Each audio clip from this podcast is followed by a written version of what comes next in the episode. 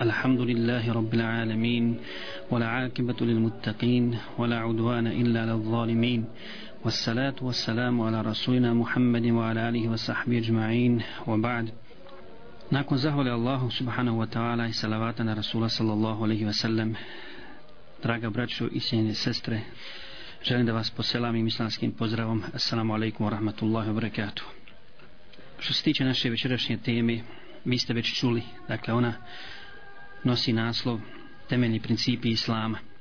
Naime, ja sam želio večeras da u svjetlu posljednjih događanja, a prije svega mi smo svjedoci dakle jednog agresivnog napada na islam i muslimane diljem zemaljske kugle od strane nevjernika, od strane njihovih političara, njihovih medija, pa čak njihovih sveštenika i tako dalje. Dakle, na svakom koraku se muslimani proglašavaju teroristima i onda kad se bore za svoja temeljna životna prava koja im je zagarantovao njihov gospodar, dakle kao stvorenjima, kao Allahovim robovima i tada, iako znaju da su muslimani danas poniženi na cijeloj zemaljskoj kugli, dakle da nemaju glavnu riječ kao što su je nekada imali, opet bivaju napadani ako žele da se izbori dakle za neka svoja prava, za slobodu, za pravo na, na vjeroispovijest i tako dalje, za pravo glasa čak i tada bivaju napadani i okrivljavani za terorizam, za fanatizam, fundamentalizam i tako dalje. Nazivaju se raznoraznim imenima. Dakle, mi živimo u jednom takvom vremenu kada moramo trpiti sve to i posmatrati i slušati takve napade i takve, ja bih rekao, bljuvotine i velike laži, a nemoćni smo da bilo šta ozbiljnije učinimo kako bismo, kako bismo to spriječili. Naime, ja sam želio večeras, dakle u svjetlu tih posljednjih događanja, posebno onoga što se desilo u Konjicu, a što je uzdrmalo našu javnost, bosansko-hercegovačku, a i šire, i inače ono što se dešavalo u toku rata muslimanima i što se dešava poslije Daytona, u okviru toga da govorimo o temeljnim islamskim principima kako bismo ne branili islam nego samo iznijeli neke temeljne činjenice koje se tiču vjere islama kao posljednje Allahove objave i kao jedine priznati vjere kod Allaha Đalešanu kako bi naši slušalci imali pravu predstavu predstavu o dinu, o islamu, bez obzira ko oni bili, bili muslimani ili nemuslimani. Jer poznato je da se islamski ummet nikada nije krio iza lažnih parola i simbolike kako to rade nevjernički narodi. Jer je podudarnost riječi i dijela jedan od temeljnih principa islama kojim poziva Allah Đelešanu u Kur'anu kada kaže Ja ejuhallazina amanu lima takuluna ma la taf'alun. O vjernici zašto govorite ono što ne radite? Kebure maktan inda Allahi an takulu ma la taf'alun. Zaista je Allahu mrsko da govorite ono što ne radite. I napuštanje ovog uzvišenog principa vodi u licemjerstvo koje Islam ne prihvata kod svojih sljedbenika. Sljedeće objašnjenje kroz koje ćemo prikazati ništavnost i propast nevjerničkih izmišljotina i podvala na islam i na muslimane pred uzvišenim principima Islama koji su utemeljeni na Allahove riječi i praksi Allahu poslanika Muhammeda sallallahu alejhi ve sellem jeste navođenje praktičnih primjera kroz historiju i rušenje dakle njihovih laži na taj način. Jedan od temeljnih principa islama jeste da nema prisile u vjeru nema prisiljavanja u vjeru. I ovo veliko pravilo potvrđuju mnogi kuranski ajti od koje ćemo spomenuti samo neke koji će biti sasvim dovoljni da bi objasnili stav islama naspram ljudi koji žele da ispovijedaju drugu vjeru, odnosno ne žele da prihvate islam. Kaže Allah subhanahu wa ta'ala La ikraha fi din kad tebejena ruštu minel gaj. U vjeru nema prisiljavanja. Pravi put se razlikuje od zablude. I kaže uzvišen samo u prevodu na naš jezik da gospodar tvoj hoće na zemlji bi doista svi bili vjernici. Pa zašto ti ljude da prisiljavaš da budu da budu vjernici? I pogledajte dakle kako je Allah dželešanu stvar vjerovanja povezao sa voljom roba a nije povezao vjeru sa primoravanjem i prisilom jer zaista su vrata Allahovog dženneta, Allahove milosti otvorena za svakog ko želi da uđe u džennet, a također i vrata džehennema su otvorena za onoga ko odbije, ko odbije da uđe u džennet. Niko neće biti primoran dakle da uđe ni u džennet niti u džehennem. Ovi i mnogi drugi ajeti jasno pokazuju da nije dozvoljeno prisiljavanje u vjeru. Ibn Kathir u svom tefsiru za riječi uzvišenog u vjeru nije dozvoljeno silom ugoniti kaže to znači ne primoravajte nikoga da uđe u vjeru islam, jer su kristalno jasni njegovi dokazi i njegovi argumenti i zbog toga nema potrebe da iko bude primoran da uđe u islam. Nego koga Allah uputi u islam i rasprostrani njegova prsa i osvijetli njegov razum, ući će u islam sa dokazom i ubjeđenjem. Ako me Allah zaslijepi srce i oduzme vidi sluh, njemu ništa ne vrijedi i ne koristi prisilni i ponizni, odnosno ponižavajući ulazak u islam. Zatim Ibn Kesir naveo neke predaje o povodu objave ovoga ajeta. Dakle, to je jedan od prvih principa uzvišene vjere Islama kojega su se držali muslimani od početka, dakle od uh, Muhammeda sallallahu alaihi sallam i njegovih ashaba pa do, pa do naših dana kako ćemo to kasnije vidjeti. Zatim drugi princip s kojim se raskrinkavaju nevjerničke laži kojega zagovara Islam i to je temeljni princip islama jeste taj da je zadatak poslanika obznanjivanje odnosno opominjanje i prenošenje radosnih vijesti dakle prenošenje objave u svemu u svemu dakle što ima veze sa vjerom. I za ovo pravilo ili načelo postoje mnogobrojni kuranski tekstovi koji potvrđuju jednu istinu a to je da Allah Đelešanu nije slao poslanike da prisile ljude niti da ih primoravaju da promijene svoju vjeru nego da pozivaju ljude sa mudrošću u vjeru uzvišenog Allaha da im obznane, da ih opomenu i da ih obraduju sa istinom koju objavljuje gospodar svjetova. Mnogi su i mnogobrojni ajeti koji govore o tome. Pa Allah Želešanuhu kaže, dakle u prijevodu samo spomenut ćemo nekoliko ajeta, o vjerovjesniče mi smo te poslali kao svjedoka i kao donosioca radosnih vijesti i kao poslanika koji opominje. I kaže, mi šaljemo poslanike samo zato da donose radosne vijesti i da opominju. Obraćujući se svom plemenitom poslaniku Muhammedu sallallahu alejhi ve sellem, Allah džanu kaže, ti ne možeš prisiliti e, nekoga, dakle, nego ti podsjeti da prihvati vjeru, nego podsjeti Kur'anom onoga koji se prijetnje moje boji. Dakle, to je drugi princip u islamu koji je sasvim jasan i o kojeme islamska ulema je napisala mnoge, mnoge knjige.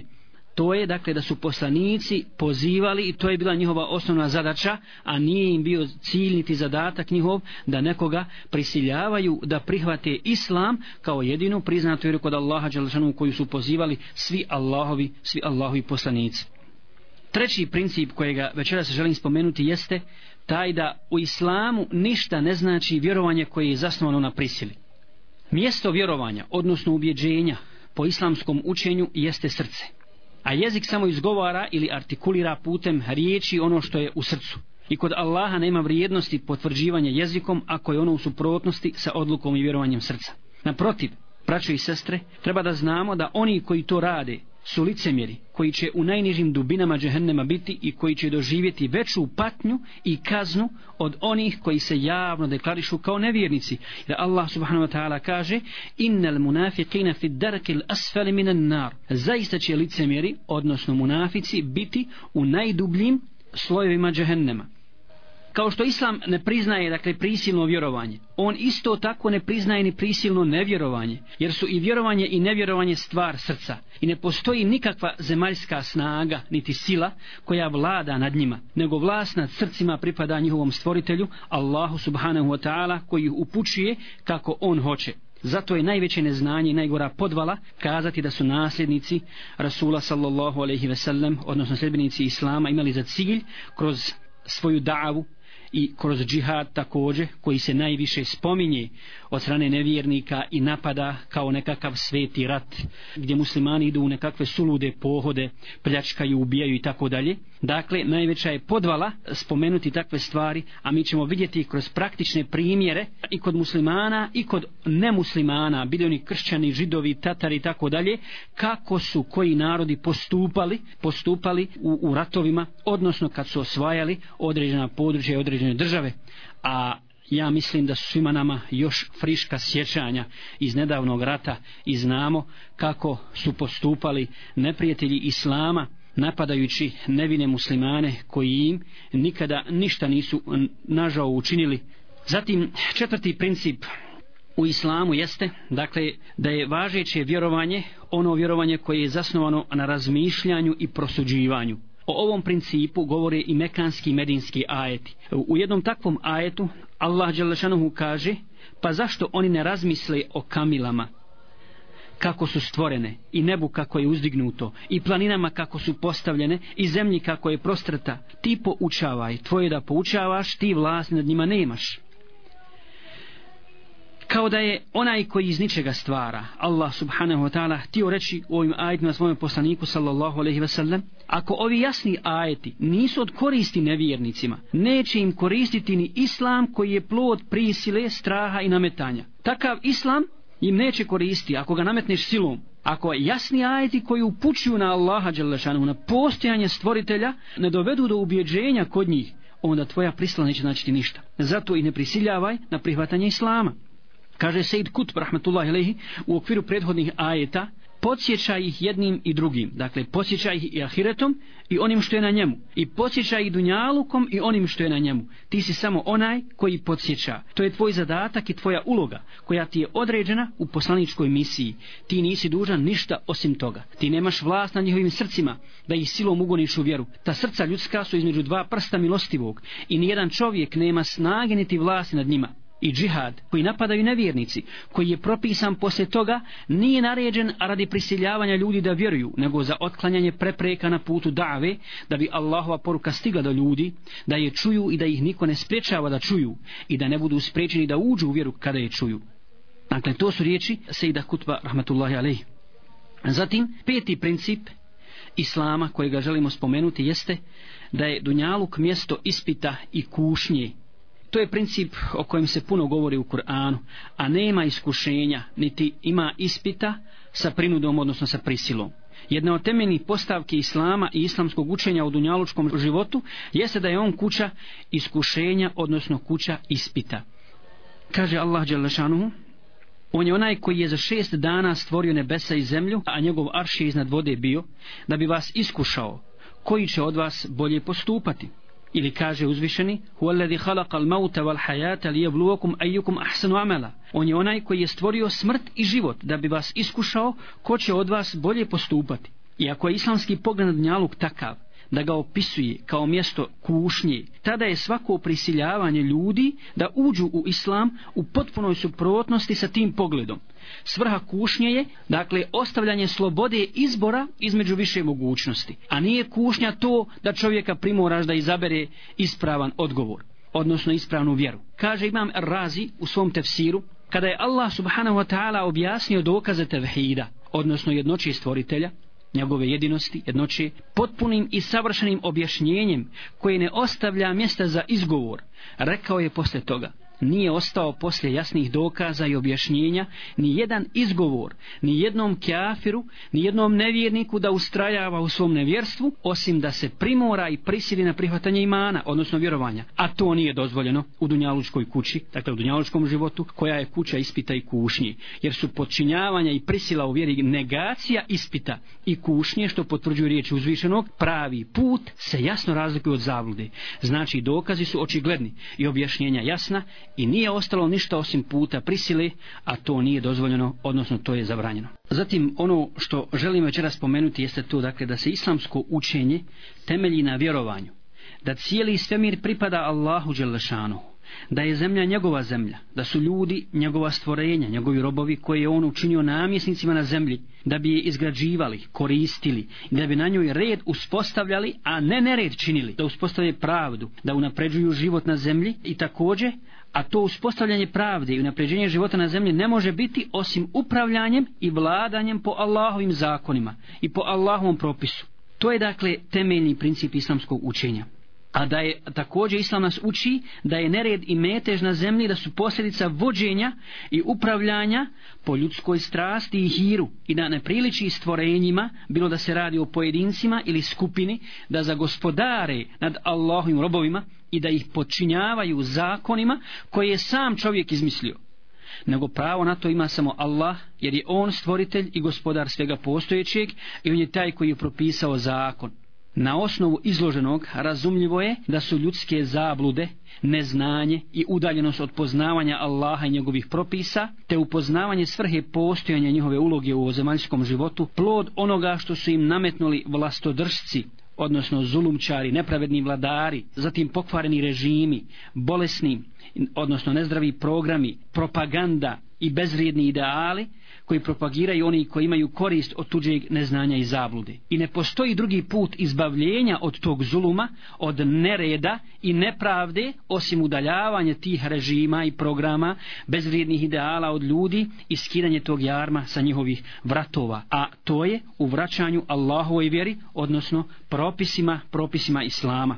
Zato je, braćo i sestre, Islam zabranio muđahidima da učine bilo kakvo zlo ljudima koji ne učestvuju u borbi od starih, žena, djece, zemljoradnika, sveštenika u njihovim hramovima i to je poznato kroz oporuke, odnosno vasijete Muhammeda sallallahu aleyhi ve sellem vojnim emirima i vojskovođama i oporuke halifa svojim vojskovođama i emirima. Čak šta više, Islam otvara vrata milosti neprijateljskim borcima i njihovim vođama na taj način što ne ograničava njihovu sudbinu samo na ubijstvo, nego prihvata od njih da napuste centre vlasti koje su sami preuzeli, garantuje im čuvanje života i metka u slučaju da prestanu tlačiti Allahove robove na zemlji i obuhvata i svojom pravednošću i milošću kao bilo koga drugog.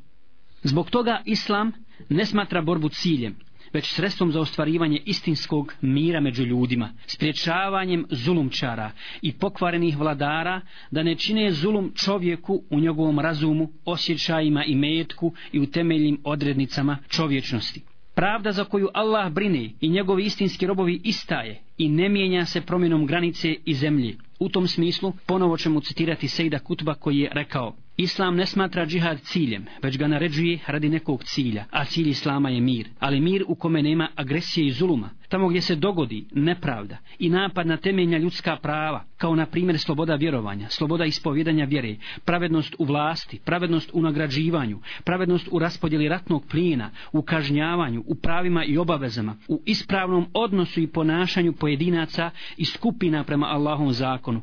Islam ne prihvata takav mir. Tamo gdje se dogodi zulum i nepravda na bilo koji dio temeljnih ljudskih prava i u bilo kom obliku, bilo da to pojedinac učini pojedincu ili pojedinac skupini ili skupina pojedincu ili skupina drugoj skupini ili država državi, Islam ne priznaje takav mir, jer Islam ne priznaje mir zasnovan na nasilju. Mir u Islamu je ostvarivanje blagostanja i pravde na način koji je zacrtao i odredio Allah Đelešanuhu u svojim robovima u svojoj objavi.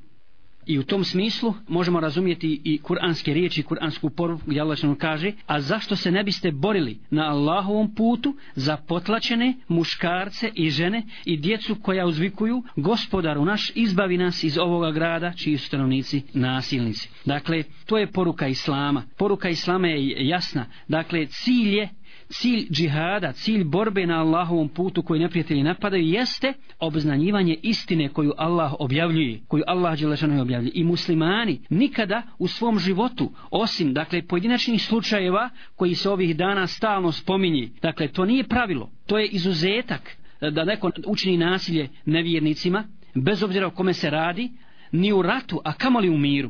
I onda političari i druge nekakve vođe iskorištavaju taj zločin da bi napali na islam i na muslimane. A vidjet ćemo da je pravilo islama sasvim, sasvim drugačije, da kroz istoriju islama od Muhammeda s.a.v. pa do naših dana muslimani nisu činili takve zločine. Ni u ratu, nikada su napadali, nikada su se branili, nikada su kad branili sva temeljna prava koja su bila napadnuta, nisu nad civilima sprovodili, sprovodili ono što su sprovodili neprijatelji islama. Iako su to mogli, a nisu se bojali tada nikakvog neprijatelja, niti njihove odmazde, niti nekakve vlasti državnog aparata, nego su se bojali Allaha Đelešanuhu i u ime Allaha su ostavljali te ljude na miru jer im je Allah zabranio, zabranio da ih, da ih ubijaju. I muslimani se nikada ne mogu licemjerno u tom pogledu ponašati kao što je licemjerno bilo ponašanje sveštenika i vođa koji su došli da bi podigli još više tenzije i proširili smutnju onoga dana u konjicu kada je bilo govora o zločinu koji je počinan musliman, od kojih svi muslimani ne peremo. Naprotiv, ali zbog toga nećemo ni pognuti i glava hodati i nećemo dozvoliti da neko napada našu vjeru, da napada islam i temeljne islamske principe radi toga što je neki pojedinac uradio to. Naprotiv, mi to osuđujemo. I ja se Allahom smijem zakleti da je moja osuda kao muslimana, kao vjernika iskrenija nego od strane sveštenika koji je taj dan govorio ono što, ono što je govorio i koji je sijao smutnju govoreći hvala vam što ste molili za ubicu u oči Božića. To je licemjerstvo. Za ubicu se ne može moliti. Za ubicu se ne može moliti. Ubica se po svim mogućim zakonima kažnjava. Mora se dakle kazniti ubica. A onda se postaje jedno drugo pitanje iz kojeg se lahko vidi da je to bilo licemjerno i da je to jedan, jedan vid podizanja tenzija i širenja, širenja laži. Zašto ste onda Zašto ste onda napadali na nevine muslimane i ubijali ih, ako za zločince muslimane molite, molite Boga da im oprosti. Dakle, to je jedan vid velikog, velikog licemjerstva i onda se na taj način širi propaganda, mora se širiti kad je tvoja pozadina, odnosno tvoja prošlost sva crna, mora se na neki način pokušati vaditi i braniti. A mi ćemo vidjeti i dokazati da je to, da je to tako. Dakle, mi ne želimo da podižemo nikakve tenzije, nego želimo samo da kažemo istinu. Da kažemo istinu o temeljnim principima islama i da jedan put, a svjesni smo da nećemo moći, bez obzira koliko govorili o tome, da će nevjernici raditi i napadati, željeti da ocrne, da ocrne islam, ali mi želimo da otvorimo oči muslimanima, dakle da ne hodaju i ne imaju prava nemaju prava da hodaju pognute glave, nego s ponosom, ne s ohološću, nego ponosno da hodaju, jer mi nema čega da se stidimo i zbog čega da se stidimo. Ne možemo se stiditi zbog naše vjere, niti zbog naših nekih postupaka, kad su u suštini naši postupci bili, odnosno kroz istoriju, muslimanski postupci muslimana prema e, nevjernicima, odnosno prema pripadnicima drugih vjera su bili sasvim pravedni, osim pojedinačnih slučajeva. Zato ćemo spomenuti ovdje samo neke, neke od tih slučajeva. Pogledajte šta su kazali čak neprijatelji Islama. I oni su bili svjedoci i priznali su visoki ratni moral muslimanskih boraca. A mi ćemo navesti primjer poraženih Rimljana koji su se vratili Herkulu, odnosno Heraklu, koji je bio u Antakiji, pa je on pozvao najuglednije između svoje vojske i rekao im, dakle, kada su doživjeli poraz Rimljani od muslimana, vratili se do svog cara, do Herakla, koji im je rekao, teško vama, a recite kakvi su oni protiv koji se borite. Da li su to ljudi kao i vi? A rekli su da. A onda je on rekao, koga ima više, vas ili njih? Rekli su, nas ima mnogostruko više na svakom mjestu. A rekao je, teško vama, pa zašto ste onda svaki put izgubili od njih? Učutali su, a jedan starac između njih je rekao, o kralju, ja ću ti odgovoriti, a kralj reče, odgovori mi, rekao je starac. Kad ih napadamo, oni su strpljivi, a kada oni napadaju, iskreni su. Kada ih napadamo, lažemo, a kada nas napadaju, ne strpimo se, reče kralj. Sram vas bilo. Kako može biti tako, ako su oni kako ste ih opisali, rekao je starac. Prije nego što sam vam došao, saznao sam zbog čega je to tako. Zbog čega upita kralj, starac odgovori. Zbog toga što je to narod koji posti danju, a klanja noću, ispunjava obećanja, naređuje dobro, a zabranjuje zlo, ne čini zulum nikome i savjetuje se međusobno, a zbog vašeg pijenja, odnosno zbog našeg pijenja vina, bluda, zbog toga što radimo ono što je zabranjeno, ne ispunjavamo obećanja, otimamo, činimo nasilje, naređujemo ono što je Bogu mrsko, a zabranjujemo ono sa čime je Bog zadovoljan i činimo nered na zemlji. Istinu si rekao, reče kralj dodade, Bogom se kunem da ću napustiti ovu zemlju jer meni se ne piše dobro sa takvim društvom. Dakle, to je samo jedan od dokaza kako su postupali muslimani u borbama u džihadu, a kamoli u miru sa zimijama, odnosno sa svojim štićenicima, odnosno sa pripadnicima drugih vjera. Ja ću navesti još jedan primjer, a ima i jako mnogo i daleko bi nas odvelo kad bismo navodili sve te primjere, pozitivne dakle, u korist islama i muslimana i negativne kao dokaz protiv nevjernika, protiv kršćana, židova i ostali koji se borili protiv islama i muslimana i nastavljaju i dalje svoju borbu. U Taberijevoj historiji je zabilježen ovaj slučaj. Kaže, Imam Taberi, kada je stiglo pismo od Omera ibn Abdulaziza, njegovom namjesniku Sulejmanu ibn Abi Suriju, rekli su stanovnici Semerkanda, ja ću prije toga pojaviti, dakle muslimani su ušli u Semerkand bez najavi. A mi znamo, čak kad muslimani vode džihad, moraju postaviti tri šarta, odnosno tri uslova narodu čiji grad, odnosno mjesto napadaju. Prvo, da prihvate islam. Ako neće islamu, da moraju prihvatiti islamski zakon, a oni će biti potpuno zaštićeni i imat će sva svoja prava u islamskoj državi. A ako ni to neće, onda moraju prihvatiti borbu. Rekli stanovnici Semerkanda, Sulejmanu Kutejbe, znači islamski vojskovođa koji je upao u Semerkant, nas je prevario i učinio nam zulum i uzeo našu zemlju. A Allah je objavio pravdu i pravičnost, pa dozvoli da pošaljem našu delegaciju eh, halifi da mu se požalimo, pa ako imadnemo ikakvo pravo, sigurno će nam ga dati. Sulejman im je dakle dozvolio da se njihova delegacija uputi halifi Omeru ibn Blazizu, posle čega je Omer napisao pismo Sulejmanu rekavši Stanovnici Semerkanda su mi se žalili zbog zuluma i zavjere koji mi je učinio Kutejbe, istjerujući ih iz njihove zemlje. Kad primiš ovo moje pismo, pozovi Kadiju da presudi u ovom slučaju. Ako presudi u njihovu korist, neka muslimani napuste Semerkand i neka se vrate u svoje baze u kojima su bili prije osvajanja. Sulejman je odredio Kadiju, Džumeja ibn Hadira, koji je naredio da se muslimanska vojska povuče iz Semerkanda na stare položaj da posle toga ponude narodu jedno od tri mogućnosti potpisat će se novo primirje ili će Semerkand vojno biti poražen. Rekli stanovnici Semerkanda, zadovoljni smo onim što je bilo i ne želimo obnavljati sukob. Na kraju je i jedna i druga strana bila zadovoljna. Dakle, stanovnici Semerkanda, kada su muslimani htjeli da napuste Semerkand, jer im je naredio halifa, nakon što jedan obični vojnik koji je bio prisutan tu, presudio, dakle u korist stanovnika Semerkanda, muslimani su htjeli da napuste Semerkand, ali su stanovnici kad su vidjeli tu pravednost i pravičnost i život predan Allahu Đalešanuhu prihvatili islam, zaustavili ih rekli su im da ostanu u njihovoj državi. Zatim, od najvećih historijskih dokaza koji pobijaju neprijateljske izmišljotine i laži o širenju islama, jeste to da se islam širio i onda kada su muslimani bili gubitnici u borbama i kada su bili pod neprijateljskom vlašću i trpili nevjernički zulum. Prvi put u historiji čovječanstva se desilo da je pobjednička varvarska vojska prihvatila vjeru naroda koji je napala i uništila njegovu zemlju i civilizaciju. To se desilo braćo i sestre sa tatarskom i mongolskom vojskom koji su prihvatili islam iako su bili pobjednici. Kaže Thomas Arnold, kršćanski orientalista, bez obzira na sve poteškoće i prepreke, na kraju su mongoli i varvarska plemena prihvatili vjeru naroda koji su uništili, uništili i ponizili. I danas, kada ne postoji jedinstvena islamska država i kada muslimani ne posjeduju snagu, u islam ulaze hiljade ljudi u Africi, Americi, Aziji, Europi, Japanu, Kini i drugim dijelovima svijeta, iako su muslimani slabi i slabo je njihovo pridržavanje vjere, Pored toga, oni koji ulaze u islam znaju da će biti spriječeni snagom i da će trpjeti više vrsta zla i nasilja, kako od svoje porodice, tako i od društva u kojem je živo, odnosno od države. Pored svega toga i uprko svim teškoćama i preprekama, islamski svijet neprestano dobija veliki broj novih muslimana iz različitih predjela zemaljske kugle. Na kraju krajeva stanovnici mnogih današnjih velikih islamskih država primili su islam bez rata, mirnim putem preko trgovine i, i, i slično.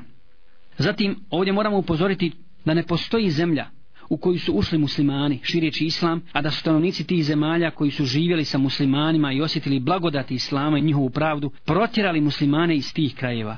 Muslimani su istirani jedino iz Andalusa, odnosno iz Španije, od strane španaca koji nikada nisu osjetili islamsku vlast i pravdu, pa su napravili utvrđenja izvan granica islamske države, pa su napravili dakle utvrđenja izvan granica islamske države, napravili formirali neke svoje državice i nikad nisu osjetili dakle taj bereket života u islamskoj državi da osjete tu pravednost pravednost od strane islamske države i zato su kovali prljavi planovi čekali priliku da protiraju muslimane iz te države. A protirali su i onda kad su muslimani prihvatili njihove običaje, kad su napustili islamski ahlak, islamski moral, kad su napustili islamsko učenje i odali se razvratu i raznim drugim vrstama nemorala, kao što to i danas čini. Zato su pali, zato su stradali. Zatim trebamo kazati da je najbolji pokazatelj ponašanja jednog naroda u borbi protiv svog neprijatelja jeste njegovo ponašanje prilikom pobjede nad njim. Jer tada ovi imaju moć i vlast. U toj situaciji onaj ko bude rob svoga hira i uzoholi se na zemlji, čineći nered i uništavajući usjeve ubijajući ljude, jeste loš primjer čovjeka kojem je data vlast od strane Allaha Đalešanu. A onaj ko se bude rukovodio načelima pravde i pravičnosti, a posebno ako to radi ima Allaha Đelešanuhu, održavajući vezu sa svojim gospodarem, on je zahvalni Allahov rob, kojeg će Allah na s tim u vezi, želimo navesti nekoliko primjera, nekoliko primjera iz muslimanskih osvajanja na temelju knjige koju je napisao Muhammed Nuaim Jasin, poznat preko knjige iman koji je preveo doktor Zuhdija Adlović dakle ovo sam uzeo ovaj primjer iz njegove knjige Iftiratu Haulal Gajatul Džihad odnosno potvore na ciljeve džihada pa ćemo sada navesti inša Allah nekoliko tih primjera odnosno slika iz muslimanskih osvajanja i, i nevjerničkih osvajanja prvo što želim spomenuti jeste dakle osvajanje Mekke od strane muslimana Mada smo o tome dosta čitali i slušali, ja ću samo uzgred spomenuti osvajanje Mekke od strane poslanika Muhammeda sallallahu alejhi ve sellem i njegovih ashaba. Mi svi znamo dakle šta su mušrici radili poslaniku sallallahu alejhi ve sellem i njegovim ashabima, kako su ih zlostavljali i mučili, da su na kraju morali napustiti svoju rodnu grudu, svoj rodni kraj, morali su napustiti Meku i znamo šta je poslanik sallallahu alejhi ve sellem rekao kad je napuštao Meku, okrenuo se i rekao ti si mi najdraži grad, tako mi Allaha, da nisam primoran, ne bi te nikad napustio. Dakle, nakon toga, Allah Đelešanuhu daje daje pobjedu muslimanima i kada je Muhammed sallallahu alejhi ve sellem pobjedonosno ušao u Meku, a mušici se poput miševa počeli sakrivati u svoje rupe, onda je okupio poslanik sallallahu alejhi ve sellem i održao govor pored Kabe, a inače kad spominjem dakle mušike i njihov odnos prema muslimanima, takav inače odnos nevjernika prema prema vjernicima. Kad god upadnu u neki grad, onda razruše, pale, siluju, ubijaju. Međutim, kad budu pobjeđeni, onda se ponašaju puzavo i ponizno, samo da bi im se oprostilo, jer su svjesni svog, svog zločina. Poslanik sa veselem im kaže, o skupino Kurejša, šta kažete i šta mislite šta ću s vama danas učiniti? A rekli su, učinit ćeš dobro. Rekao je, zatim Allahu poslanik sa veselem, a reći ću vam ono što je rekao moj brat Jusuf, alaihissalam, dakle, brat po vjeri, i brat po poslanici, odnosno po zadatku, jer je Allah odabrao ovu dvojicu za poslanike, ja vas danas neću koriti, reče, Allah će vam oprostiti od milostivih, on je najmilostiviji, idite, vi ste slobodni.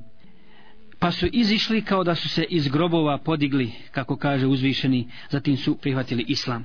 Dakle, to je princip islama i tako se ponašao Muhammed sallallahu alejhi ve sellem i tako se ponašali njegovi sljedbenici kroz cijelu istoriju islama odnosno prenošenja Allahove vjere i širenja Allahove vjere na zemlji. Zatim ćemo preći na drugi primjer a to je osvajanje Kutsa odnosno Jerusalema. U jednom grčkom spisu opisano je predavanje Kutsa pravednom halifi Omeru ibn Hattabu radijallahu ta'ala od strane poraženih Rimljana kada su muslimani stegli obruč oko kuca 636. godine, pogledao je patrijar Sofronije sa zidova grada i rekao muslimanima, mi ćemo vam predati grad pod jednim uslovom, a to je da predamo ključeve vašem glavnom zapovjedniku, odnosno vašem glavnom emiru, mislio na Omera.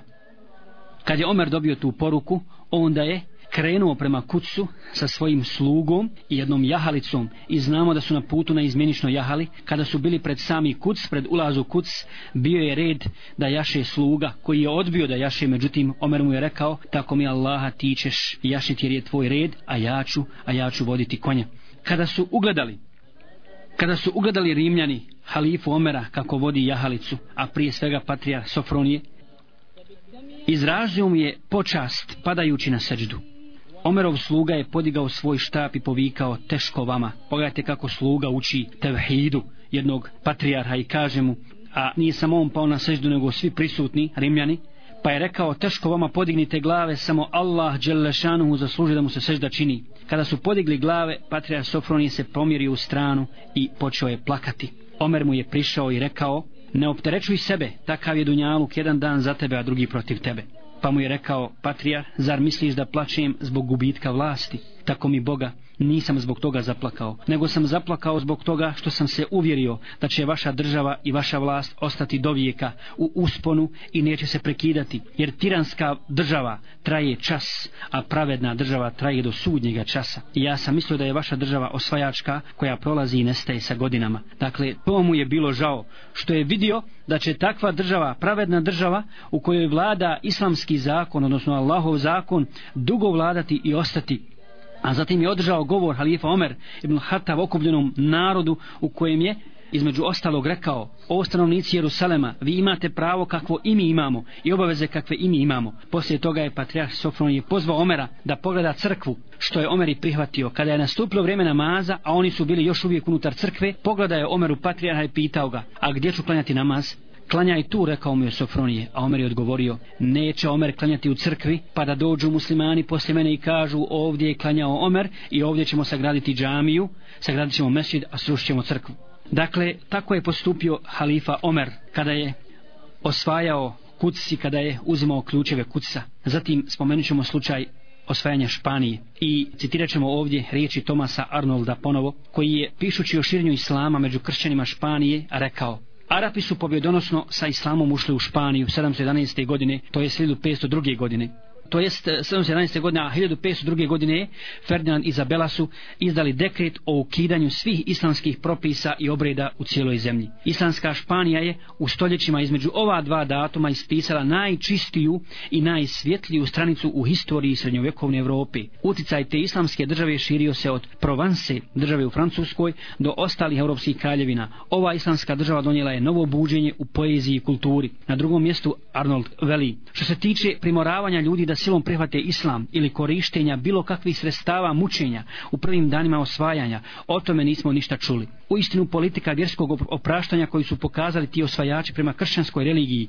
imala je veliki uticaj na brzo osvajanje ove zemlje. Jedino na što su se žalili kršćani jeste to što su se njihovi novi vladari ponašali prema kršćanima drugačije nego prema nekršćanima, to jest uzimali su od njih običajnu glavarinu i to od bogatih 48 dirhema, od srednje klase 24 dirhema, od radnika 12 dirhema. Glavarina nije uzimana od nemoć nemoćnih muškaraca, žena, djece, sveštenika, slijepih, bolesnih, siromašnih ljudi. Robovi su također bili oslobođeni džizije. Dodajmo još i to da su sakupljanje tih poreza obavljali kršćanski radnici, što je svakako olakšalo ljudima. Dakle, to je samo nekoliko primjera muslimanskih osvajanja koja su kod nas najpoznatija i najznačajnija, a također kad bismo govorili o turskim osvajanjima, imali bismo šta lijepog i korisnog čuti i naučiti. Sada ćemo samo spomenuti nekoliko osvajanja nevjerničkih, osvajanja nevjerničkih islamskih, odnosno muslimanske teritorije. Prvo ćemo spomenuti tatarsko osvajanje Bagdada. Kaže imam Ibn Kethir u svom dijelu El Bidajeve Nihaj ili početak i kraj, spominjući događaje iz 656 hijđarske godine i ono što su radili Tatari nakon upada u Bagdad. Navalili su na grad i ubijali sve što su stigli, muškarce, žene, starce i omladinu. Mnogi ljudi su ulazili u bunareve, štale i kanalizaciju i skrivali se tu danima. Mnogi od njih su se okupljali u dućanima, zaključavši vrata, traži sebi spas pred najezdom Tatara. Međutim, Tatari su ulazili provaljujući vrata i paleći vatru, nakon čega su muslimani bježali na krovove, ali su ih oni stizali na krovima i ubijali ih. Krv je tekla sokacima. To isto su radili u mesčidima i džamijema. Neki kažu da je ubijeno 800.000 ljudi, neki kažu da je milion, a neki pak 2 miliona. Tatari su ušli u Bagdad krajem mjeseca Muharrema i njihove sablje nisu prestajale ubijati ljude 40 dana. Dakle, za 40 dana napravili su takav, takav pokolj kakav se ne pamti. Mada su ipak na kraju, kao osvajači, kao ti varvari, prihvatili, prihvatili islam.